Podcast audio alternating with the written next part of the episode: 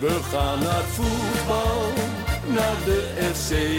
En dan is het Dat uh, is Jan van Dijk die heeft het beslist. Ja, fantastisch natuurlijk. Is tegen Ajax of bij een oor. Roestak en het is 2-0. Juichen wij als FC Roestak met zijn tweede. Juichen wij als FC Groningen weer scoort. Kom voor minder de zomer door, aflevering nummer 2. Mijn naam is Maarten Siepel. Tegenover mij, natuurlijk, de enige rechte Thijs Faber. Goedemorgen nog. Ik denk uh, het eerste wat wel even genoemd mag worden... is dat ook jij je seizoenskaart eindelijk hebt verlengd. Ja, ja dat is natuurlijk een update uh, van vorige keren. Toen had ik het nog niet gedaan, maar uh, ik heb mijn seizoenkaart verlengd. Ja, prachtig. Weet Gelukkig maar. thuis dat ook weer. Ja, kunnen die weer rustig zitten, zeg maar. de gast van vandaag is geboren in Schiedam in 1984. Begon zijn voetbalcarrière bij Excelsior Maasluis. Liep ook nog een deel van de jeugdopleiding bij Feyenoord. En speelde toen respectievelijk voor Sparta, RKC en Excelsior. De laatste club uh, was hij ook nog commercieel directeur. En sinds kort algemeen directeur bij onze prachtige club. Wout Gudde, welkom. Ja, dankjewel. Ik hoorde dat het een beetje nog een drama was om hier bij de studio van Ogen te komen. Ja, het is wel confronterend dat je nergens de weg weet. Dus ik heb netjes een adres ingevoerd in navigatie. En toen was er ineens een weg afgesloten. Ja. Ja, dan is het complete paniek. Want ik weet niet hoe ik er dan uh, moet komen. Dus ik ben uh, maar een beetje op goed gevoel ergens tussendoor gegaan. Ik heb ook me niet aan alle verkeersregeltjes gehouden. Nee. Maar ik was er toch wel op tijd. Dat moet je wel even erbij zeggen. Nou, gelukkig wel de hele stad uh, weer gezien. Ja, dat klopt. wij beginnen onze podcast vaak met een openingsvraag. En de vraag die wij hier hebben bedacht is... als jij nu iets zou kunnen veranderen aan FC Groningen... en dat hoeft niet per se iets heel realistisch te zijn... maar gewoon iets waarvan je denkt... nou, morgen is, zou dat anders zijn... Wat zou je dan veranderen? Ja, veranderen klinkt altijd, vind ik, uh, negatief, omdat er dan gelijk gekeken wordt naar het, naar het verleden. Um, uh, ja, ik, ik kan gewoon zeggen, het eerste, het eerste ding wat, wat anders is dan, dan hoe het was, is dat we kritisch hebben gekeken naar hoe de organisatie was ingedeeld. Hè? Het organigram. Ik, ik wil graag zelf een, een, een directeur zijn die, als ik het heel goed doe, continu zicht heeft op, op de helikopterview. Dus het zicht over de organisatie en zo min mogelijk in de operatie zit. En um, waardoor we bijvoorbeeld de commerciële afdeling, afdeling flink uitgebreid hebben. Waar merchandise naartoe is gegaan, media en communicatie. Dat valt eigenlijk allemaal onder marketing nu. ook echt geïnvesteerd te hebben in, in de commerciële organisatie. Zodat we ook snel misschien wat meer geld op kunnen gaan halen. Nou, dat is wel een verandering die plaats heeft gevonden ten opzichte van de vorige jaren. En heeft het dan ook veel vanuit jouw kant met delegeren te maken? Ik vind dat wel heel belangrijk. Hè? Dus hoe, hoe ik graag uh, leiding geef en hoe ik ook denk dat het uh, moet bij een organisatie die, die meer dan 100 mensen in dienst heeft, is dat heel veel mensen ja, gedeelde verantwoordelijkheid moet, moeten voelen. Hè? Dus dat ze zelf beslissingen moeten gaan nemen. dat vind ik ook de leukste manier van werken. en dat is volgens mij ook de snelste manier en de beste manier van werken. Juist. Ja, je volgt natuurlijk uh, Hans Nijland op. Uh, vriend van de show, Sjoerd Jan Gispen, die vroeg ook van... Ja, hoe is het om ja, iemand op te volgen die ja, 23 jaar bij de club heeft gezeten... en eigenlijk ja, zo'n stempel heeft gedrukt uh, op de club... en eigenlijk ook, ja, bij wijze van spreken... nog net niet de masseur was van de spelers. Hoe, ja, hoe is dat dan om, om iemand op te volgen? even bijgesteld ondertussen. ja, ja, dat is niet echt iets waar ik me mee bezig hou. Ik begrijp wel dat die vraag natuurlijk leeft. Hè. Ik heb bij Excelsior ook iemand opgevolgd... die er 21 jaar heeft gezeten, Simon Kelder... Ja, er zijn er een aantal dingen uh, vaak supergoed uh, goed geregeld. Hè? Want anders hou je het ook niet 23 jaar, jaar vol. En er zullen een aantal dingen zijn waar ik wat anders tegenaan kijk dan Hans dat heeft gedaan. En ja, die zullen dan ook op den duur waarschijnlijk gaan veranderen. Ja, want ik neem wel aan dat je wel veel met Hans Nijland ook wel hebt gesproken. Ja, ja toevallig belden we vanochtend nog langs elkaar heen. Maar uh, ik heb uh, inderdaad ook nog regelmatig contact. Uh, ook omdat ik vind als jij 23 jaar daar hebt gezeten... dan kan je niet binnen drie weken alles overdragen. Hè. Dus ik vind het ook gewoon fijn om, om daar af en toe wat dingetjes te horen. Ehm, als een soort van, van, van adviseur van de club. Um, dus ja, ik, ik, ik heb gewoon regelmatig contact. Alleen ja, wij nemen wel als directie gewoon nu zelf te besluiten... en gaan zelf de koers bepalen. Ja. Maar wat, wat, wat, neem je toch dan wel mee van zo iemand als Nijland? Nou, ik vind de manier waarop hij de afgelopen 23 jaar zaken heeft gedaan in het voetbaltechnische... Ja, Eh, daar, daar staat voor mij als buitenstaander eh, staat Groningen onbekend. Als je kijkt hoeveel topspelers bij FC Groningen hebben gespeeld. eh eh, Suarez, Virgil van Dijk, eh, Rob uit de eigen jeugd dan. Maar ook Tadic, Kostic. Ja, dat vind ik wel echt iets wat, wat echt bij hem past. En bij zijn handelsgeest. Nou, dat zijn dingen, daar kan je van leren. Eh, daar kan je vragen hoe dat is gegaan. Hoe dit op heeft gebouwd. Hoe dat netwerk is gelopen. Of dat overgedragen kan worden. Nou, et cetera, et cetera. Eh, ja, het verschil natuurlijk wel met Nederland is dat hier ja, in het huidige beleid wel veel meer ja, gedelegeerd wordt naar eh, verschillende mensen. Ja, zoals Hans Nijland, die was altijd bij de spelerspresentaties, deed eigenlijk alle zaken. En ja, ik weet ook wel van jou wel, Thijs, dat jij ook wel erg fan bent van... eh, ja, ik wil even als perfecte voorbeeld misschien Mark-Jan Frederis... en dat verschil met hoe het nu loopt en hoe het was. Nou ja, dat is natuurlijk... eh, onder Hans en Eiland hebben we vaak technisch managers gehad... in plaats van eh, technisch directeurs. Terwijl ik denk, ja, in een voetbalorganisatie... en je hebt een directie... dan is het ook wel fijn als er iemand in die directie zit... die echt puur op het voetbal focust. Dus ja... Ik heb het hier vaker geroepen. Ik was heel blij met de recente ontwikkelingen wat dat betreft ook. Eh, en inderdaad, ik denk dat dat op lange termijn zeker een gezondere structuur is. En ik denk dat we daar als club de vruchten van gaan plukken. Ja, want ja, want eh, hoe is het eigenlijk die relatie met Mark-Jan Frederis? Het, eh, ja, hoe is dat opgebouwd? Eh, best wel bijzonder, want we hadden elkaar nog nooit gesproken. Ehm, uiteindelijk, eh, toen ik aangesteld werd, eh, was eigenlijk de eerste taak... oké, wie, gaat er technisch directeur worden? Nou, we hebben een profielschets gemaakt... waarin we met name op zoek zijn gegaan naar, naar een, een directeur... met een wat modernere visie. Hè? Dus die niet alleen een visie heeft over... hoe stel ik het eerste elftal samen, wat uiteraard belangrijk is... maar ook hoe ga ik spelers ontwikkelen? Hoe ga ik om met een jeugdopleiding? Hoe organiseer ik mijn scouting? Met alle moderne technologieën van tegenwoordig die er zijn... Ik had hem uh, gek geweest wel heel veel gevolgd vanuit de media. En ik heb natuurlijk gezien hoe bij Heracles een aantal dingen uh, best wel snel veranderd zijn. Die meer in teken stonden van, van echt topsport. En hoe ga je om als voetballer met je vak. In plaats van dat het nog steeds af en toe een hobby is.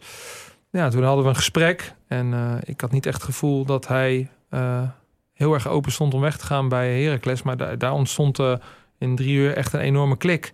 En ja, toen zijn we door gaan praten. En ja, nu inmiddels werken we drie maanden samen. Maar het ja, klinkt gek, maar het voelt al als drie jaar. Ja. Dus dat gaat supergoed.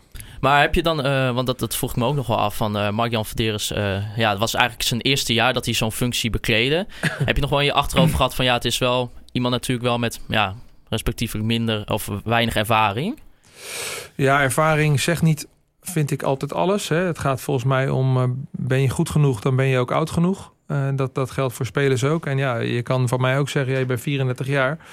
Alleen ik heb zeven jaar al een directiefunctie bekleed bij een voetbalclub. En als je netjes in de eredivisie gaat kijken... is dat uh, veel meer dan de helft van de andere directeuren. Dus het gaat niet zozeer om leeftijd of om hoe lang je iets doet... maar volgens mij hoe je je vak invult. En dat kan je in gesprekken en in dingen die je hebt gelezen... perfect uh, toetsen. En tot nu toe is alles wat ik er van had verwacht... komt ook wel, komt ook wel uit. Is dat ook echt wel waar de, nou ja, de selectieprocedure... In, in jouw aanstelling ook wel op hamerde? Van, weet je, dat je 34 bent, gaat misschien bij een aantal mensen denken van ja, moeten we dat wel met zo weinig ervaring? -hmm. Maar dat, dat zij dan ook echt gezegd hebben van nou, wij, wij kijken echt naar je kwaliteiten. Ja, en ik vind dat je dat ook vooral zelf moet doen. Kijk, de, de, de buitenwacht, dat is heel simpel. Op het moment dat wij de eerste zes wedstrijden, ik noem maar wat, 13 punten halen, zou iedereen zeggen zo geweldig. En op het moment dat we twee punten halen, dan is alles te jong en te onervaren. Volgens mij is het, uh, kijk je heel erg goed naar een profiel. Uh, ik zit 17 jaar nu in betaald voetbal, dus ik heb de ervaring en ken heel goed de dynamiek van betaald voetbal. Dat is toch anders dan een bedrijf, omdat je elke week beoordeeld wordt en wat er enorm veel emotie in zit. Uh, ik heb een goede opleiding gehad met, met een, met een bedrijfskundeopleiding aan de Universiteit van, van Rotterdam. Uh, en ik heb uh, zeven jaar lang uh, bij een kleine club alles kunnen doen. Waardoor ik dus ook heel veel raakvlakken heb met, met meerdere vlakken in de organisatie.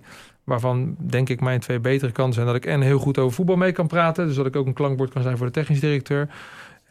maar ook wel echt verstand heb van hoe ga je een bedrijf runnen. En hoe kijk je naar, naar de commerciële aspecten van, van, van de organisatie.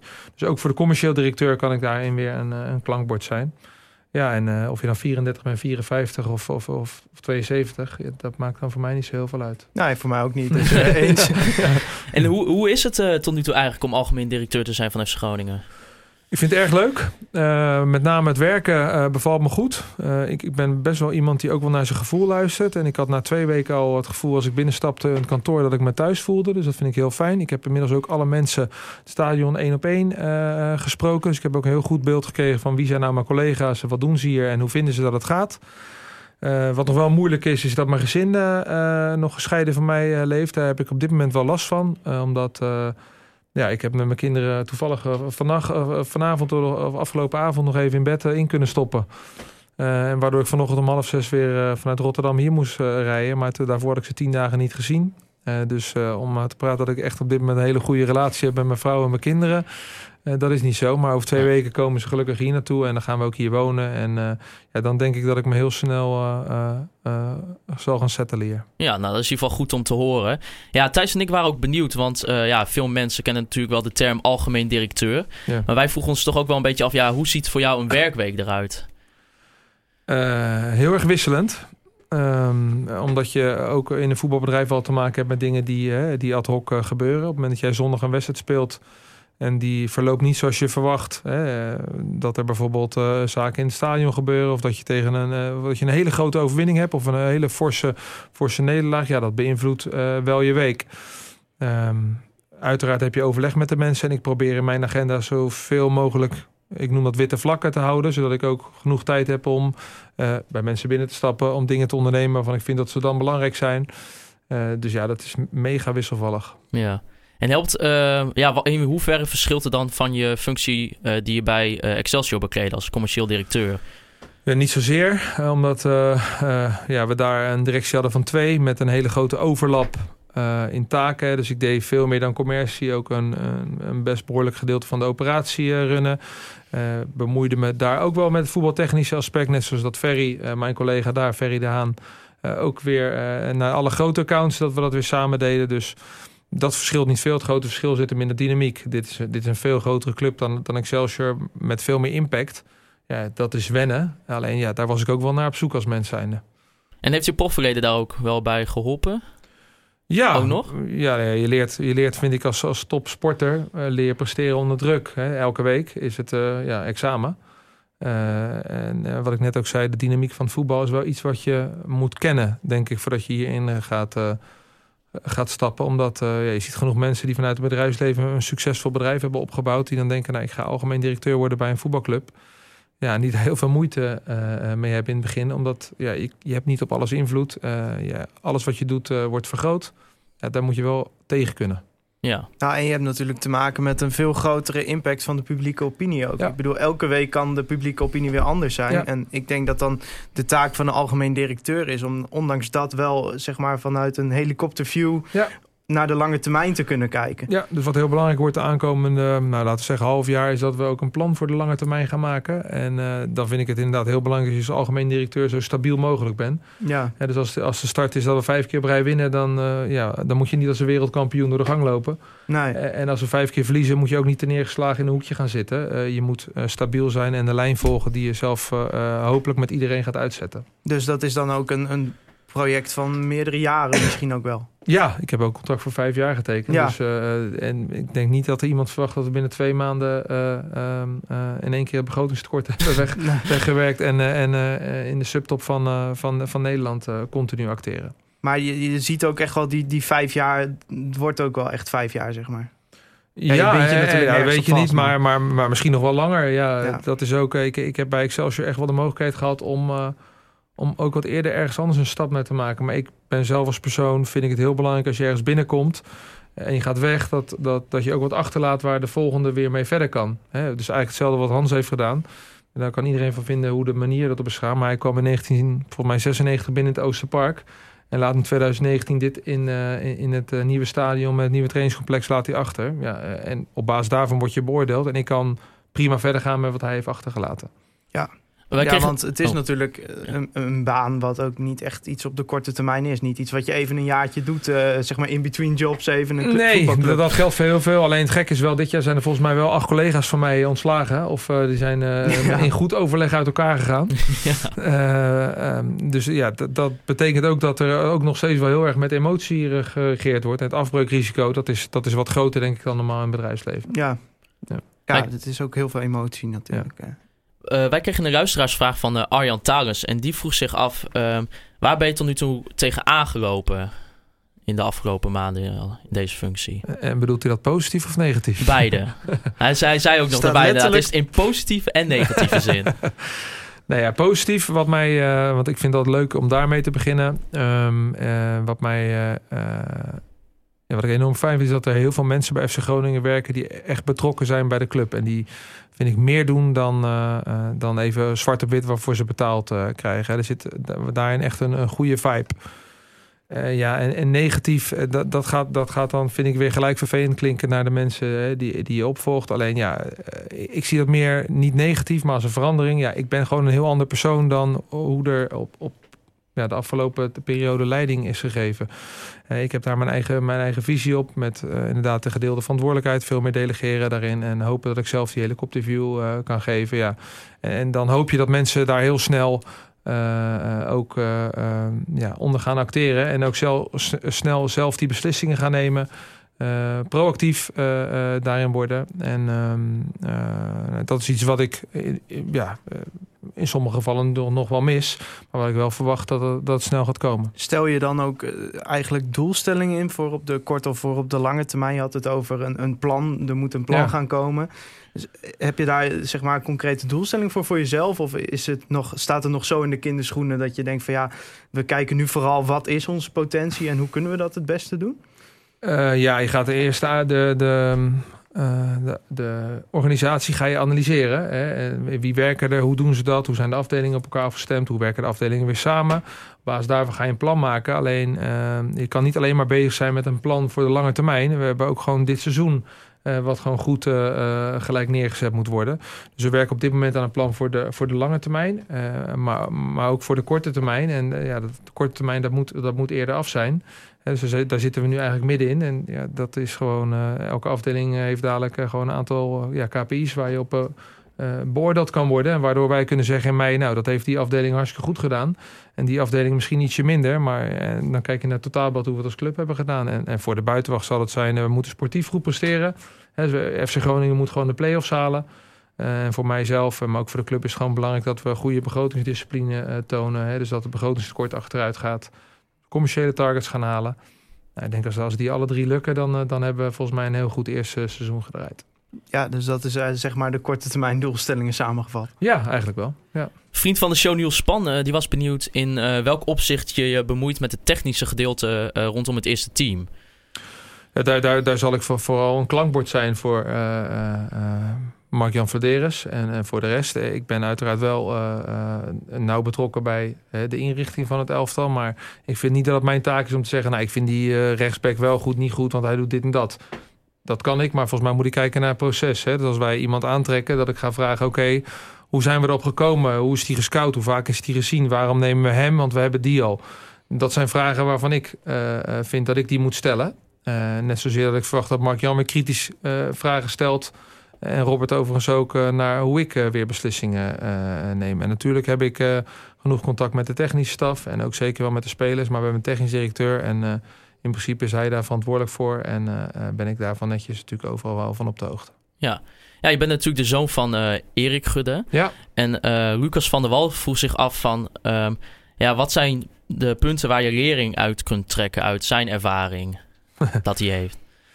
Nou ja, eh, daar vind ik wel een voordeel dat hij eh, eh, ouder is, dus wat meer gewoon mensen, levenservaring heeft. Hè. Dus dat vind ik sowieso wel fijn. Ehm, hij heeft een heel ander pad gevolgd. Eh, heeft tot zijn, uit mijn hoofd, vijftigste gewoon eh, eh, eh, ja, in bedrijfsleven gezeten, bij de overheid gezeten. En is daaruit eigenlijk waar we het net over hadden, die, die directeur geworden die wel heel veel affiniteit had met voetbal, maar nog nooit de dynamiek van een betaald voetbal kende. En één keer in Feyenoord gestapt, wat denk ik qua emotie nog een, een paar treetjes hoger is dan, eh, dan FC Groningen. Ja. Eh, eh, en, en heeft daarin ook gewoon eh, zijn zijn leergeld betaald, zijn fouten gemaakt. Eh, en eh, daar eh, ja, hebben wij toen heel veel over gespart en nu ook wel. Eh, en het is altijd wel fijn om zo'n klankbord te hebben. Alleen mijn vader en ik zijn wel verschillende types. Hij is veel meer financieel eh, eh, opgeleid. Eh, en ik ben wat commerciëler. Ja. Eh, eh, dus daar zit ook wel weer, ja, daar zit ook wel weer een verschil tussen. Maar ja, wij, wij bellen elkaar eh, nou, om de dag soms wel elke dag. Omdat Ja. ook gewoon, ja, hij is ook gewoon een van mijn vrienden. Vind je het dan vervelend als ze dan... Nou ja, je zult bij in veel interviews natuurlijk... Oh, Gudde, oh ja, zijn vader. eh, vind je dat vervelend als mensen het daarover hebben? Nee, helemaal niet. Eh, ook dat went weer. En het is heel grappig. eh, want hij was waar ik opgroeide toen ik echt klein was, eh, was hij een bekende amateurtrainer. Dus toen was je ook vaak eh, eh, de zoon van. Alleen ik werd toen betaald voetballer. En toen werd hij ineens de vader van. Ja. Eh, maar toen werd hij directeur van Feyenoord. Toen werd ik weer de zoon Ja, van. Dus eh, we, we, we lachen er af en toe om thuis. Ja, ik snap het. Ja, er wordt natuurlijk, er worden genoeg, eh, nou ja, alleen door de naam worden genoeg linkjes gelegd waar, die waarschijnlijk meestal niet eens waar zijn. Oh nee, ja. En nogmaals, ik vind dat je als je deze functie doet, dan weet je dat dat erbij hoort. De buitenwereld heeft een mening. En dat vind ik ook niet meer dan normaal. Want heel veel mensen zijn heel erg betrokken bij of een club of bij het voetbal. Dus ja, die kunnen die ook in deze maatschappij op allerlei manieren geven. Ja, als je daarvan wat aan gaat trekken, ja, dan wordt het eh, ge- geen leuk werk. Nee, nee, dan krijg je hele lange werkweken. Ja, dat klopt, ja. ja. Nou ja, eh, je hebt zo net natuurlijk de hele stad gezien eh, met al het Ja. eh, verkeersschaals. En eh, ja, wij leken het eh, ons wel even leuk om, eh, om een inburgeringscursus te doen. Je Och. zei van tevoren dat je een hekel hebt aan quizjes. ja. Ehm, Thijs heeft een, eh, ja, hij heeft gewoon een Het inburgeringscursus is wel gemaakt. grotendeels multiple choice. Nou, dat, ik verwacht geen hoge score. Nee, maar het is- een hekel aan onvoldoende. Dus- Het woord cursus geeft natuurlijk aan dat het uiteindelijk ook is om daarna... leren. Kijk, je vergeet het nooit weer. Nee, Nee. oké. Nou ja, de, de eerste vraag is eh, in, elk jaar in augustus, en dat ga je meekrijgen als je hier woont, dan vieren wij het Gronings Ontzet. 28 augustus, toch? Hier bedoel ik, dit gaat toch hartstikke goed. Dat was niet de vraag trouwens. Oké, jammer. Maar we gaan dus. eh, de vraag is: eh, hoe heet dit ook wel in de volksmond? En dan is eh, A is bommen tammo, B is bommen sikkom, C bommen pekel of D bommen berend. Ga ik voor B, want Sikkom zie ik wel eens terugkomen ergens op social media. Ja, dat, dat is ook de reden waarom ik dit erin heb gezet. En dat is ook fout. Ja. Het is, eh, het is bommen berend. De, alliteratie doet hem, denk ik, eh, wat dat betreft. Eh, de vraag 2 is dan: eh, wat wordt bedoeld wanneer een Groninger zegt dat hij of zij gaat dig down in Toenen? Is dat antwoord A, even de plantjes water geven in de tuin? Is dat B, barbecuen? Is dat C, dat hij of zij in het verleden vaak uit zijn of haar bol ging? Of D, dat hij zij even lekker een dagje gaat vissen? Nog één keer, Dick, de, Dig down in Toenen. Dick Down in Toenen. En even kijken, waar kon ik uit kiezen? Kan ik meelezen? Want je hebt Ja, ja, ja, ja. Ik, zal, antwoorden ik zal de helderheid even Ja. omhoog, dan kun, je, dan kun je meelezen. Down in Toenen. Ja, dan ga ik voor antwoord C. Antwoord C. Nou, het, het is B. Het is bar- barbecue. Barbecue. Ja, dit... Ja. Ja, het is een cursus, hè? ja. Ik, zou wel fijn zijn als je de, de, de vragen met de antwoorden naar me mailt, want dan kan ik het ook opslaan. Dan kun je daarmee pronken. Ja, Eh, nou, vraag 3 is dan... eh, wat wil een Groninger graag als hij of zij vraagt om een puutje? Is dat antwoord A een sigaret? Antwoord B een biertje? Antwoord C een tussen haakjes plastic tasje? Of antwoord D een kopje koffie? Een puutje, dan eh, ga ik voor C. Nou, dat is het eerste goede antwoord. Ja, dat- Ik was zo bang dat ik met nul goed? goede Nee, antwoorden dit, zou dit, eindigen. dit is goed. Eh, dan gaan we naar vraag 4. noem drie horecagelegenheden in de Groningen binnenstad. Ehm, Mr. Mafongo. De cocktailbar. ja, inderdaad. Daar heb je volgens mij eh Capuvino, heb ik eh, gezien. Zo, ja, ja. En de drie zusters. Nou, ja, nee, dit, tevreden. Ja, nee, dit is een prima keuze zo. Zo, dat zijn ook drie punten, vind ik. Ja, want eh, ja, horeca is natuurlijk voor zeker bewoners van de stad een belangrijke plek om Ja. te zijn. eh, Ja. Op welk tijdstip dan ook. Dus eh Ja. daar zou je misschien ook nog wel mee in contact komen. eh. Vraag 5. Noem naast de stad Groningen nog twee plaatsen of steden in de provincie Groningen. Nou, eh, Appingedam, Delfzijl. Oké, we hadden toch wel vier moeten doen. We zaten te twijfelen. Uh, ter, Termunterzijl en, eh, hoe moet ik het even goed zeggen? Eh Leek. Nou, dat, Ja. ja, ik, ik ben tevreden. Ja, nee, daar heb ik al genoeg van gezien. Dus gaan we het certificaat ook uitreiken. ja wij hebben een, eh, een prachtig certificaat gemaakt. Ik zou het even eh, pakken. Ja, de mensen zien het allemaal niet, dus ik zal het begrijpen. Maarten gaat nu van zijn stoel af en nou, daar komt inderdaad het Ah. certificaat van voltooiing. Heel goed. Nou, die ga ik ophangen, want ik heb nog een heel leeg eh, kantoor. eh, dus alle dat- schilderijen zijn van de wand. Dus heb ik nu eindelijk mijn eerste Ja, schilderij. want dat vroeg ik me inderdaad ook al af. Inderdaad, eh, wat heb je tot nu toe op je bureau staan? Of in je kantoor hangen? Helemaal niets. We hebben de kantoren veranderd. We zijn ehm, eh, wat anders in gaan delen. De afdelingen dichter bij elkaar. En ik werk op één kamer samen met Mark-Jan Oldebandring. En, en ook soms met Mark-Jan Vladeres. Eh, Eh, als die eh, er is, want die zit ook eens op het Top Zorgcentrum. En ik heb eigenlijk ook een tweede kantoor, omdat ik ook op het Top Zorgcentrum uh, ga werken. Daar, zit, daar zit de selectie en daar zitten de trainers. Dus ik wil daar ook zeker één dag, maar het liefst wel twee dagen in de week zijn. Meerdere kantoren om te vullen. Dan moet nog Ja, veel, kun je- spullen kun je niet de, eh, lieve mensen in de fancorner even vragen of er wat artikelen eh Ja, gaan ze de- doen. de- eh, het gaan- kantoor in kunnen. Ja, nee, maar daar zijn ze mee bezig. Eh, Er zijn een, eh, we hebben een inrichtingscommissie opgericht met vier mensen. En die Over gaan, delegeren gesproken. Juist. en, die, en die gaan kijken hoe alle kantoren, hoe alle kantoren ingericht gaan worden. Oh, dat is wel een goede zaak. Nou, dit certificaat kan er dus ook bij. Top, Als we mooi. dat hadden gegeten, hadden we iets meer ons best gedaan op de opmaak, denk ik. Nou Ja, ik ben er blij mee. Gelukkig maar, gelukkig maar. Eh, we willen even ook een beetje de actualiteit induiken. Het is eh, natuurlijk bekend dat eh, Arjen Robben stopt met profvoetballen. Ja. Eh, baal je stiekem niet dat hij jou niet even heeft gebeld van... mag ik nog een jaartje spelen bij de club? Ehm, nou ja, eh, je zal begrijpen dat we daar uiteraard verzoek hebben gedaan. Ik, ik baal, ik baal als FC Groningen directeur dat hij, dat hij niet kon spelen, want dat was voor de club fantastisch geweest. Eh, maar ik, eh, ja, ik vind wel een besluit waar, waar, ik, eh, waar ik wel heel veel respect voor heb, heeft. Hij heeft een enorme kast met prijzen. En ehm, ja, dat je dan op dit moment dan zo'n besluit neemt. En ook de uitleg waarom. Terwijl hij eigenlijk volgens mij in zijn hart liefst nog wel door wilde voetballen. Maar ook nu naar zijn hoofd heeft geluisterd. Ja, ik heb wel respect voor. Eh Nieuw Peters vroeg zich af. ja, er werd ook wel bekend dat je had gezegd dat Arjen altijd welkom is bij de club. Ja. Ehm, ja, welke rol eh, ja, worden er eigenlijk een beetje beschikbaar gesteld eh, voor hem? Of wa- wat, wat voor functies hij Ja, daar vind ik echt het belangrijkste is wat, wat hij zelf eh, wil. Kijk, hij heeft een enorme ervaring in het, in het, in het, het voetbal eh, bedrijven, zeg maar. Dus als je alleen al kijkt naar de trainers die hij heeft gehad. Hij heeft gewoon Louis van Gaal gehad, eh, eh, Mourinho, Guardiola, Ancelotti, Heinkes. Dat zijn niet de minste, dus hij heeft een, een schat aan ervaring op dat vlak. Maar ja, het is ook gewoon een, een van de beste voetballers die Nederland misschien wel heeft gehad. Dus hij opent ook deuren. Dus misschien dat hij wel helemaal niets meer wil doen eh, eh, in de voetballerij. Kan hij nog steeds Groningen, eh, voor Groningen enorm waardevol zijn. Dat we hem kunnen gebruiken als ambassadeur. Alleen ja, nu lopen we daarin overal op vooruit. Wat we volgens mij nu moeten doen, is hem met rust laten. Hij moet gaan genieten van zijn gezin. van, voor de eerste keer denk ik dat hij een zomervakantie echt heeft. Eh, en eh, ja, wij blijven eh, zeker in gesprek. En gaan natuurlijk wel kijken of hij wat voor de organisatie wil gaan doen. Thijs, jij hebt een beetje kritiek eh, op het Ja, huis van ja. Arjen Robben. Ja, het huis is wel- nog niet helemaal af, maar ik reed daar eh, in de tijd dat ik nog op en neer pendelde van het pittoreske Fries naar eh, Groningen, reed ik altijd langs, langs zijn huis in aanbouw. Maar ik vind dat het een beetje krap op de kavel staat. ja? Ik heb wel zoiets als je zeg maar in de voorkamer staat, dat je dan de nummerborden kan lezen, zeg maar. En ook wel de gezichten van de mensen kunt zien. Dus, maar ja, dat was een puntje van kritiek. Ja, tussendoor. Ja.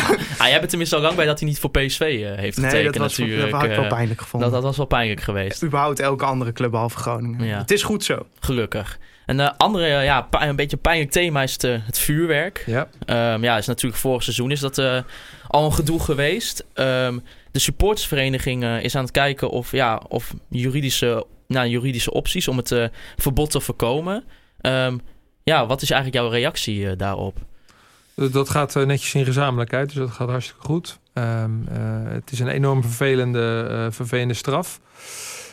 We zijn ook niet in beroep gegaan, ehm, mede omdat de kans is dat we, dat we een hogere straf krijgen. Maar ja, je, kan- je kan ook moeilijk ontkennen dat we het niet hebben gedaan. Want ja, ik, heb ook, ik was toevallig in het stadion. Ja, je, zag echt, je zag echt vuurwerk. Ja, alleen wat heel vervelend is dat er heel veel mensen nu gedupeerd worden die er niets mee te maken hebben. En dat komt ook een beetje omdat wij ja, ongeplaceerd werken daar. Dus mensen kopen een kaart en eh, die gaan uh, lukraak in een vak zitten. Ehm, dus da- dat, dat zijn wat onderzoekers samen met de supportersvereniging. En ik vind dat heel fijn, die samenwerking. Hè. Die doen dat ook echt om misschien de mensen in de club te helpen.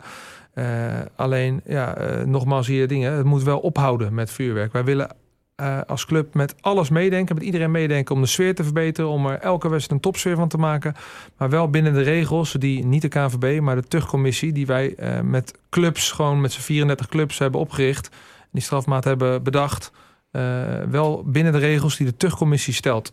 En of je daar nou mee eens bent of niet, daar hebben we ons nu voorlopig gewoon aan te houden. Ja, want even voor de context, misschien voor de mensen ook. Het, wat een beetje het probleem met de straf is in vele ogen, is dat eh, ja, inderdaad de, de ongeplaceerde plaatsen. Nou, bijvoorbeeld thuis, wij hebben een uh, seizoenskaart op vak D volgens ja, mij. maar weet je, kijk, dat klik je en, gewoon aan. Want het is allemaal dezelfde prijs en je, je klikt maar luk raak. En daardoor zijn er denk ik gewoon nou, mensen die er misschien wel wat mee te maken hebben gehad. Die, die op die manier inderdaad wel heen kunnen. En ja, het is natuurlijk dat collectief straffen is sowieso iets wat ter discussie staat. Ja. En wat de KVB heeft ook aangegeven dat ze daar, als er een alternatief was, hadden ze dat heel graag gedaan. Ja. Maar ja, ja, het is gewoon op deze manier een beetje zuur dat heel veel mensen uh, op die manier die wedstrijd uh, gaan missen. Ja, daar ben ik ook helemaal met je eens. En ja, het is natuurlijk de supportsvereniging die, ja, die die komt ook voor, ja, die komt ook voor belangen van de supporters. Dat is hartstikke goed. Ja, ik vind dat ook een goede ja. zaak dat je daar niet meteen als supportsvereniging bij neerlegt. En ik, nee. ik denk, ja, weet je, het, het recht mogen zegevieren uiteindelijk. Dus, ja. Uh, ja, nee, uh, nogmaals, ik ben niet iemand die voor de bühne dan in beroep gaat. Uh, ik heb daar goed naar gekeken. Um, en uh, ja, nogmaals wat ik zei, het vuurwerk is gewoon afgestoken meerdere malen. We, we, hebben gewoon een straf gehad en dat moet nu ook ophouden. En ik vond echt, uh, ik was blij dat ik in het stadion was. Ik vond ook echt de reactie van het overgrote deel van het publiek, want er werd hard gefloten. Ja, vond ik gewoon hartstikke goed. Ja. Uh, dus dat betekent ook dat het leeft. En ik, ja, ik hoop ook echt dat de laatste keer is. Alleen met de strafmaat, ja, ben ik het ook wel een beetje met jou eens. Uh, het is heel moeilijk, want hè, als er nu willekeurig een willekeurig persoon ergens binnenkomt en die krijgt het toch voor elkaar, hoe streng we ook controleren. Uh, om vuurwerk mee te nemen uh, uh, ja, en die steekt het af, ja, dan, dan ben je recidivist en dan worden de straffen alleen maar zwaarder. Dus ja, we, het is echt wel een punt eh, wat mijn aandacht heeft. Ja, dat... ja, en dan natuurlijk, het is een beetje een straf die we ook bij Feyenoord hebben gezien voor het Ja. seizoen. Toen hebben ze echt vak S, geloof ik, eh, Ja. dichtgeknald. Maar ja, dat is wel geplaceerd allemaal natuurlijk. Dus ja, ik, ik was ook zelf aan het denken aan alternatieven, maar dat is ook gewoon moeilijk natuurlijk. Ja, het is ook zo, op het moment dat wij eh, dus mensen wel op een andere manier weer binnenlaten, ja, dan voldoe je niet aan de straf. Nee, En dat hebben ook al clubs gedaan in het verleden. En dan krijg je dus ook een hogere straf. Dus het is niet zo van, oké, ja, die mensen hebben niks gedaan, dus ze mogen op een andere plek zitten. Dat gaat niet. Die straf is zo opgelegd en die moeten wij tot in de puntjes uitvoeren. ja, ja. Ja. Maar vanuit, volgens mij eh, hoorde ik ook vanuit de organisatie komen er ook een aantal maatregelen om het, ja, het vuurwerk. eh, Ja, we gaan strenger controleren. eh, dus dat betekent eh, dat het sowieso in de communicatie vooraf, eh, maar ook bij de ingangen duidelijker zal zijn. We gaan investeren in, in de camera's die daarin beter zijn. Alleen, ja, ik, ik geloof wel, hoe meer wij er een soort fort van gaan maken, hoe minder leuk het ook is om naar, die, naar de wedstrijd te gaan. hè. Je wil naar een wedstrijd toe, dan wil je sfeer maken, wil je goed voetbal zien. En je wil waarschijnlijk ook nog wel wat meer tegenwoordig. Ja, en als je dan eerst door, door een beveiliging moet zoals het op Schiphol is, ja, dat is niet wenselijk. Alleen je wordt er bijna wel toe gedwongen als er nog meer eh, incidenten gaan plaatsvinden. Want dan is het niet één vak, maar dan is het dadelijk een hele tribune. Worden de boetes nog hoger. Ja, en inmiddels voor het geld wat we, wat we gaan uitgeven, kunnen we een hoop leuke dingen doen eh, bij FC Groningen. Ja. Nee, eh, zou gecontroleerd vuurwerk, want wij hebben het ook wel eens bij FC Utrecht gezien toen we in het uitvak zaten, zou dat eventueel een optie voor je Zeker zijn? gecertificeerd eh, vuurwerken, daar staan we open voor om daarover te praten. Ja, ja, Ja. want eh Thijs, wij, ja, vanuit Ja. ons, wij zijn wel een liefhebber ervan. In, Ja, van- weet je, wij hebben de discussie wel vaak natuurlijk. Je moet aan de ene kant zien dat het, eh, het, het in mijn ogen sfeerverhogend is. Maar aan de andere kant de consequenties. Ja, weet je, je kunt daar de club op aankijken dat, dat de club daar zo stellig tegen is. Maar uiteindelijk, ja, het is de terugcommissie die dat heeft samengesteld. Dus ja, en ja, als dat, het zijn nou eenmaal de regels. En ik vind het ook vervelend dat het op die manier gestraft wordt. Maar ja, Ja. uiteindelijk zijn het eh, de regels helaas. Ja. ja. Maar eh, ja, het is eh, denk ik. Het is wel een mooi bruggetje. Want we hadden het over sfeer in het stadion. Ja, de hut eh, weer vol. Tenminste, dat is een bekende uitspraak van, eh van Hebben we die Hans slogan al een Nijland. keer gebruikt trouwens? Oké, houden we zo. ja, heel graag. Ja, eh, wel even eh, het positieve natuurlijk wel is. eh, dat eh, maakte de Eredivisie ook bekend, zag ik op Facebook. Is dat er een stijging is van 44% in het aantal seizoenskaarten in de categorie tot en met 12 jaar. Ja. Ja, en ehm, eh, ja, het verdere probleem is natuurlijk ook wel, hebben we vorig seizoen ook veel gezien, is toch wel ja, ja, lege tribunes. Zeker in de wedstrijden. Bijvoorbeeld, eh, nou ja, wat is op een koude... VVV thuis. eh, Dat soort wedstrijden. En daar eigenlijk alleen echt vol tijdens, nou denk ik, top 3 en Heerenveen, Heerenveen. ja. Emmen eventueel ook. Maar toen was het ook verschrikkelijk koud. Ehm, ja, je hebt, eh, ik zag in een interview met RTV Noord dat je zei dat ehm, ja, er meer moet worden geboden dan tweemaal de 45 minuten. Ja. Ehm, toen hadden ze nog niet echt, of er werd jou niet gevraagd naar specifieke plannen. Ja. Maar eh, ja, hoe zou je eh, de, ja, de FC Groningen experience willen veranderen Ja. ten opzichte van wat er nu is? Een mooi commercieel woord noemen ze dat de fan journey. Ja. Eh, de, de, de wereld verandert daarin heel, heel snel. Hè? Eh, eh, mensen hebben minder aandacht voor en, eh, en hebben ook veel meer keuze. Hè? Als jullie eh, hebben net zelf, het noemen ze drie horeca-zaken op in, eh, in, eh, in Groningen. Ja, ik ben hier net, maar toch kan ik ze opnoemen, want je hebt heel veel keus. Dus het, natuurlijk is het voetbal het allerbelangrijkste. We moeten goed voetbal spelen. En als het leuk is om te zien, is dat het snelste vliegwiel wat we hebben om het stadion voller te krijgen. Maar mensen komen echt niet meer alleen voor het voetbal. Hè? Jullie zitten ook bij elkaar in het vak. Jullie hebben ook een band. Jullie vinden het ook gezellig om naartoe te gaan. Dus het moet veilig zijn. Nou, als je er bent, dan wil je eh, graag ook goed eten. Je wil snel geholpen worden. Je wil goed kunnen zitten. Je wil dat er sfeer is. Uh, maar eigenlijk wil je dus een hele journey, een hele reis hebben... vanaf het moment dat je je kaartje koopt... tot op het moment dat je weer thuis op de bank ploft en je terugkomt. Nou, daar moeten we denk ik een goed plan voor gaan maken. En ik geloof wel, als we daar een goed plan voor hebben... en we investeren daarin... Uh, dat uiteindelijk dat gaat helpen om, uh, om het stadion weer voller te gaan krijgen. En je moet ook je ogen niet sluiten ja, voor nieuwe technologieën. Je, je, moet ook een database hebben die helemaal op orde is, die, die voldoende data ook heeft om de mensen te bereiken. Het is ook niet meer zo dat men weet waar het stadion zit en dat ze weten dat we op zaterdag of zondag spelen en dat ze automatisch naar het stadion komen. Daar moet je meer moeite voor doen. Dus je moet mensen kunnen bereiken in je database. Dan moet je goede communicatiestrategie op nalaten. Uh, en uh, ja, ook op dat vlak, ja, daar, daar, daar vind ik wel, daar moeten we een inhaalslag maken. En uh, in hoeverre worden daar ook supportersgelederingen bij betrokken bij dat proces?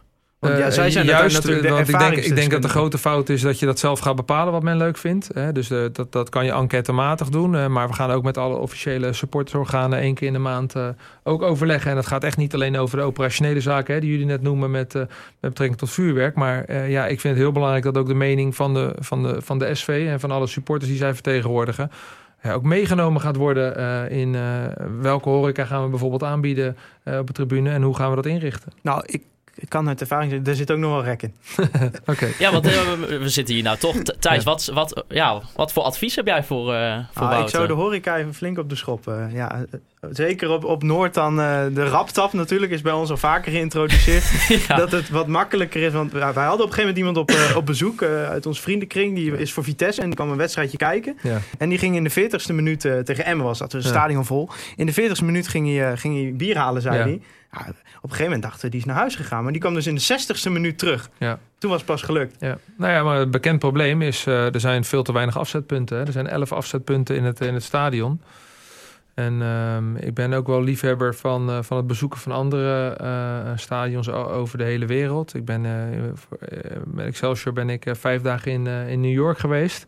Om te kijken naar hoe Brooklyn Nets bijvoorbeeld een nieuw stadion had gebouwd. Ja, die hebben gewoon twee ringen rondom met alleen maar counters... waar je alles kan halen wat je maar wil.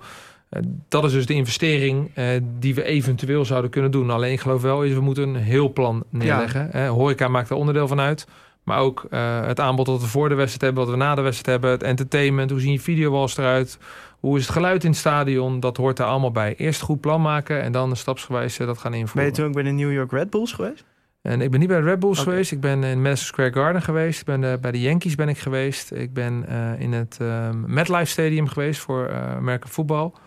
Ja, de Amerikanen moet je niet allemaal overnemen. Want soms is het ook een beetje over de top qua entertainment. Maar uh, over hoe ze horeca afzetten en hoe ze met supporters omgaan, daar, daar kunnen we nog een nou, hoop ik, van leren. Ik ben dus bij de Yankees geweest en ja. uh, daar heb ik volgens mij drie kwartier in de rij gestaan voor het eten. Dus oh. misschien, uh, ja, misschien was het een drukke wedstrijd ja. hoor. En bij de New York Red Bulls viel mij op dat, nou, ze hadden dus wel veel punten waar je ja. iets kon kopen, maar alle drankjes waren 8 dollar, behalve Red Bull. Dat was 3 dollar. Oké. Okay. Dus, ja. dus geen tip zeg maar om dat over te nemen. Nee, maar ik was in Madison Square Garden en wij bestelden, waren met z'n drieën. We bestelden drie hamburgers en, en drie biertjes. Dat was 75 dollar. Ja, ja. ja, dat is ook een beetje New York en, natuurlijk. En de Amerikanen gaan nog twee keer. Ja, dus die, en dan betalen ze nog een kaartje. Nee, maar dat, dat past hier niet. Nee, dat is ook wel goed om te beseffen, denk nee, ik. Nee. Ik denk wat jij ook nog wel wilt, Thijs. Natuurlijk kwam op een gegeven moment in het voorseizoen kwam de introductie van de droge worst. Uh, zeer geliefd bij de Groningen supporter. Maar ja, één ding. Ga je nou de eierbal De eierbal. Oh, Heb je al eens een eierbal gehad? Nou, als je goed op opgelet bij een presentatie kreeg ik een, uh, een eierbal. Oh, van Stefan Bleek. Ja, ja, dat vond ik niet zo heel lekker. Oké, okay, oh. dat gaan we niet terugzien dat wordt, nee. nee, daar ga ik niet over. Ik bedoel, als, we, als we eierballen uh, kunnen verkopen omdat het de wens is, uh, graag. Ik denk dat we het certificaat toch gaan houden. Als okay. je de eierbal niet lekker Wouter vindt... Gudde zegt nee tegen de eierbal. ja, volgens mij is dat ook een beetje het probleem met het bewaren van die dingen. Toch, ja, volgens dat mij. Is, dat kun je niet vers houden of zo. Ik weet het niet. het, het is mij een keer uitgelegd waarom we ze niet hadden. Uh, um, tijdens je periode met Excelsior heb je ook al natuurlijk eerder samengewerkt met eh, Adrie Poldervaart. Ja. Eh, op het moment dat hij vertrok als trainer bij Excelsior, eh, gaf je ook aan dat echt eh, ja, heel jammer te vinden. Ja. Hoe blij ben je dat Adrie weer terug is eh, bij jou? Ik ben niet zozeer blij dat Adrie eh, eh, bij FC Groningen werkt. Ik, denk, eh, ik ben vooral blij met hoe het proces is gegaan. Is dat, we, hè, dat je goed bent gaan kijken, oké, eh, we hadden een technische staf. Nou, eh, we wilden dat graag beter doen dan hoe het vorig jaar is gegaan. En dat je de fout die heel veel mensen maken, is dat ze naar de namen gaan kijken. Maar we hebben nu vooral gekeken naar wat hebben we nodig. En dat was heel snel een, een trainer die op het veld fantastisch is. met oefenvormen die innovatief zijn, vernieuwend zijn. Die ook staat voor de aanvallende, attractieve speelstijl waar we naartoe willen. Die complementair is aan, aan Danny Buis, maar ook aan Sander van Gessel en aan Alfons Arts. Ja, daar is gewoon een profielschrift uit gemaakt. En er stonden 15, 20 competenties in. En die heb ik niet eens gemaakt. Die heeft Mark Jan samen met, met Danny gemaakt en nog met een externe.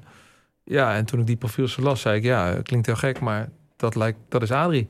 Ja, Eh, en, en toen zei ik ook gelijk, zeg ja, en ik wil niet eh, eh, het vermoeden hebben dat ik die push. Dus ik ga er niks mee te maken hebben. Ik zeg eerst gaat Danny met hem praten, dan Mark-Jan, dan jullie samen. Als jullie dan nog steeds enthousiast zijn, dan wil ik ook graag nog wel even een keer met hem zitten. Nou, dat hebben we gedaan. En ja, ik ben erg enthousiast over hoe de eerste week is begonnen.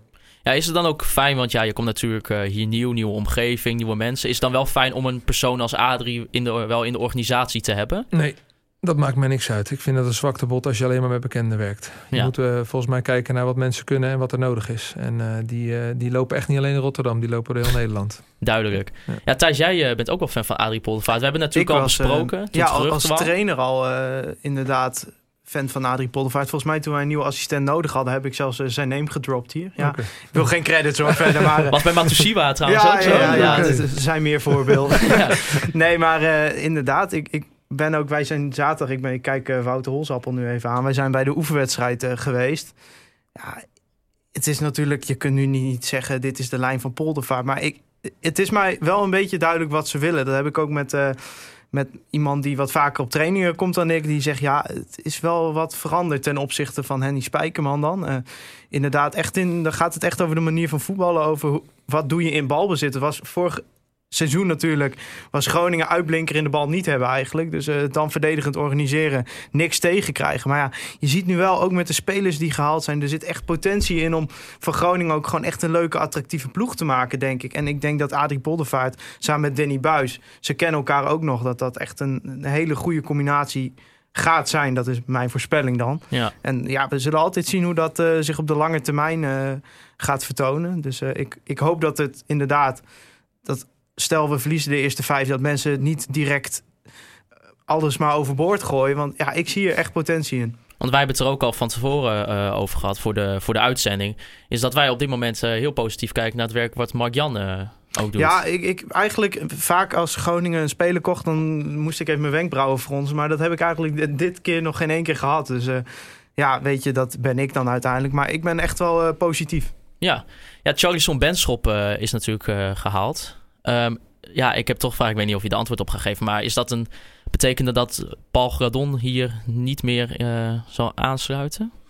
Nee, eh, ze zegt nooit nooit, maar de vacatures eh, spits die zijn nu wel, wel ingevuld. Ja, we hebben en Kai Sierhuis en, en Charlison die los van elkaar zouden kunnen spelen, maar volgens mij ook samen met elkaar kunnen spelen. En er zitten ook nog twee hele jonge, talentvolle jongens achter, met Thijs Dallinga en met Romana Postema.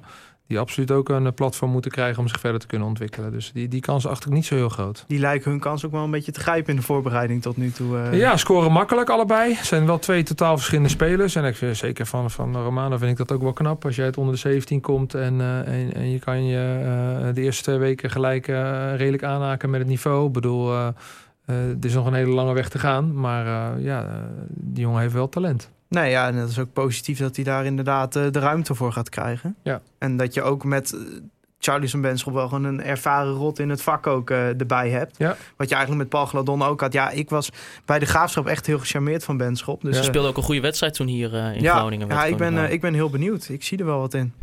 Eh, belangrijk onderdeel van het bereid ook van het, eh, van het vorige, van, ja, van Hans Nijland, eh, was dat eh, Talent op 1 traject Ja. onder Peter Jeltema. Ehm, in hoeverre is dat plan nog steeds belangrijk onder eh, jouw bereid? De jeugdopleiding is wel belangrijk. Dat zie je ook wel teruggaan hoe de selectie nu is ingevuld. En met welke elftal wij bijvoorbeeld tegen Ross County eh, speelden. Ehm, eh, we gaan een nieuw beleidsplan maken. Dat is, dat is ook geen, geen nieuws. Daar zal de jeugdopleiding ook een, een zeer belangrijke rol in spelen. Alleen het gaat wel om het eerste elftal. Uiteindelijk vind ik wel, we zijn een voetbalclub. En uiteindelijk is het eerste elftal het paradepaardje. Die moet presteren. Eh, alleen jij ziet ook in betaald voetbal eh, dat, dat de wereld heel snel verandert. Als je kijkt naar Ajax. eh, ja, die, hebben een, die gaan een zelf opgeleide speler met Matthijs de Ligt misschien wel voor 75 miljoen euro verkopen. Dit, dat is een enorm verdienmodel. Hè? Het zijn jongens die en je helemaal zelf kan kneden, die dus ook goed kan maken en die je helemaal aan kan passen aan de manier waarop je graag zou willen spelen. Het zijn ook vaak jongens die wat extra's hebben met de club, hè, omdat ze er al langer spelen. Ja, en, eh, en eh, ja, waar gaat het eindigen met, met de transfergekte? Eh, welke bedragen gaan er uiteindelijk betaald worden voor spelers? En dat is gewoon een, een verdienmodel voor clubs. Dus als je jezelf op kan leiden, zelf bij je kan houden, ja, dat zijn volgens mij eh, de, be- de beste mogelijkheden voor je eerste elftal om die sterker te maken, maar uiteindelijk ook om je club te laten groeien. Ja, nee, duidelijk. Zeker. En het is natuurlijk relatief goedkope aanwinsten zijn het. Je hoeft ze niet te kopen. Je hoeft er geen tekengeld bij te betalen. Je hoeft... Eh, nou, eh, Ja, voor de contractjes wel natuurlijk. Maar Eh, die- Die wereld verandert ook snel. Hè, maar uiteindelijk, hè, we, investeren best in de opleiding. Nou, dat, dat moet je niet doen, ook niet voor de bühne doen. Dat moet je ook dan echt doen om jongens in het eerste elftal te krijgen. Op een zo goed mogelijke manier. En ik geloof heel erg dat, dat wij nu al, eh, vind ik, een, een hele behoorlijke jeugdopleiding hebben. Maar dat we die ook in de toekomst nog wat beter kunnen gaan maken om... eh, ik vind een, een streven van 50% eh, eigen opgeleide spelers in het eerste vind ik behoorlijk fors. Maar we moeten wel kijken of we veel talenten in het eerste elftal kunnen krijgen die we zelf opleiden. dus eigenlijk een soort eh, talent op 1, 2.0, zeg maar. Ja, alleen ja, talenten. Ja, Sam Schrek, nu is nu gehaald van, van Bayer Leverkusen, is ook een hele jonge, talentvolle eh, speler. Ja, je kan ook een talent goed scouten. Dus volgens mij is het belangrijk dat je goed kan scouten, dat je goed kan opleiden. En uiteindelijk als de spelers er zijn, dat je ze ook kan ontwikkelen en beter maken. om, om zo ja, uiteindelijk en te presteren en geld te verdienen. En eh, hoe kijk je dan aan tegen het- begeleiden van jonge spelers? Dat is tenminste wat je vaak hoort, is dat dat rond FC Groningen er nog wel eens aan, aan schort. Dat echt de, de, de begeleiding van jonge spelers in het traject van profvoetballen worden. Of het de begeleiden van nieuwe spelers. Nou, daar heb ik, ehm, daar heb ik nu niet echt zicht op. Eh, wat, wat wij hebben gedaan is een, eh, is een, performance afdeling opgericht. Hè, waar, waar, waar Wouter Frenke nu leiding aan geeft. En eh, onder performance valt ook inderdaad de mentale begeleiding, onder andere van spelers. Maar ook eh, een speciaal traject voor, voor jonge spelers. Waar bijvoorbeeld ook Hans Robben eh, aan bijdraagt. Dus ik denk dat dat wel goed eh, georganiseerd is. Wat, wat wel belangrijk is, is dat je maatwerk gaat eh, leveren. En zeker voor jonge spelers, maar eigenlijk voor alle spelers. Als wij daar een selectie hebben van tussen de 26 en 28 spelers.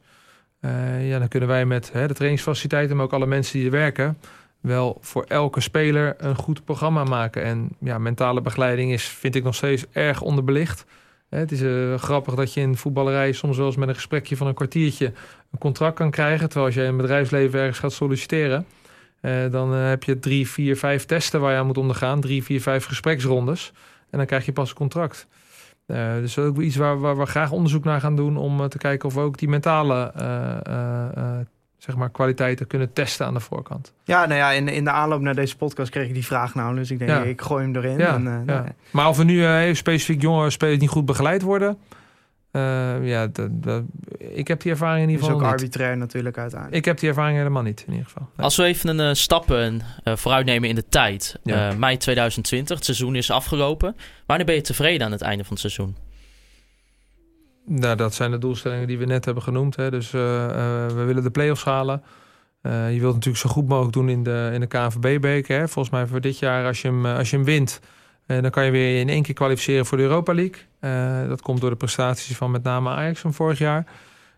En ja, de, een van mijn andere opdrachten was inderdaad die, de, de, het begrotingstekort terugbrengen. Nou, daar gaan we een stap in maken. Mede ook door de tv-ranking die we dit jaar hebben. Ehm, ja, die vind ik wel belangrijk dat we daar een discipline tonen. En dat we het streefbedrag van ongeveer een tekort van 2 miljoen euro ook gewoon binnen het operationele wel gewoon halen. Eh, en dat betekent dus dat het ook heel belangrijk is dat we onze commerciële eh, targets gaan halen. En heel veel hoger dan Heerenveen eindigen. Dat gaat ook wel helpen op die eh, tv-geldenlijst.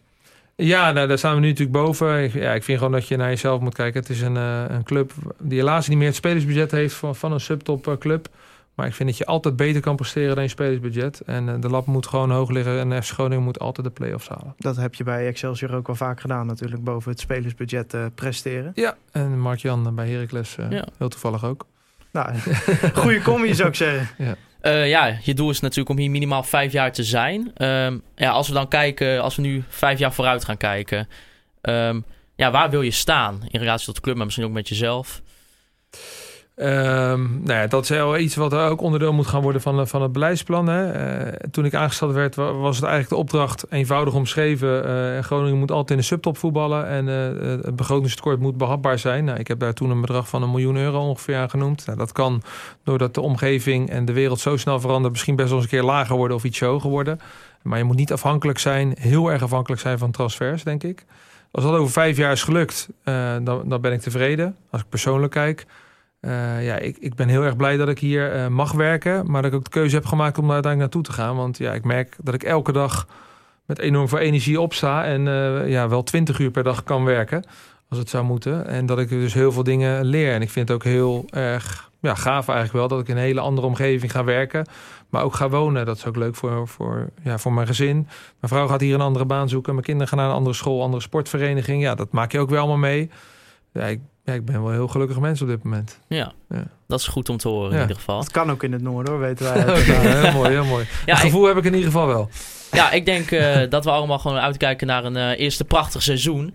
Thijs heeft er eh, volgens mij ook wel weer zin in, hè? Ja hoor, ik ga nog even op vakantie en dan gaan we er weer tegenaan. Heerlijk, wij hebben er allemaal zin in. Eh, u kunt eh Conforminder de podcast eh, luisteren via Spotify, eh, iTunes en Soundcloud. U kunt mij persoonlijk volgen op Twitter, Maarten, Siepel. En natuurlijk Thijs, Thijs, Faber. Eh, Wouter, ik wil jou bedanken voor de komst. Ja, nou, Hier. hartstikke leuk. Eh, bedankt voor de uitnodiging. Ja, nou dan mogen we ook wel even eh, Richard van Elzakker voor eh, bedanken. Voor het eh, mogelijk maken van... en voor eh, het begeleiden van Wouter Gudde over de ring van Groningen. Zeker, want uiteindelijk zat hij hier wel gewoon. Ja, dus, ik was eh, op tijd. Ik was terug op is. Helemaal top, helemaal top. Ik wil Omroep Oog bedanken voor eh, de faciliteiten die wij week in en week uit gebruiken. En natuurlijk als laatste Free Westerhof en Mark Ping voor de fantastische intro en outro muziek.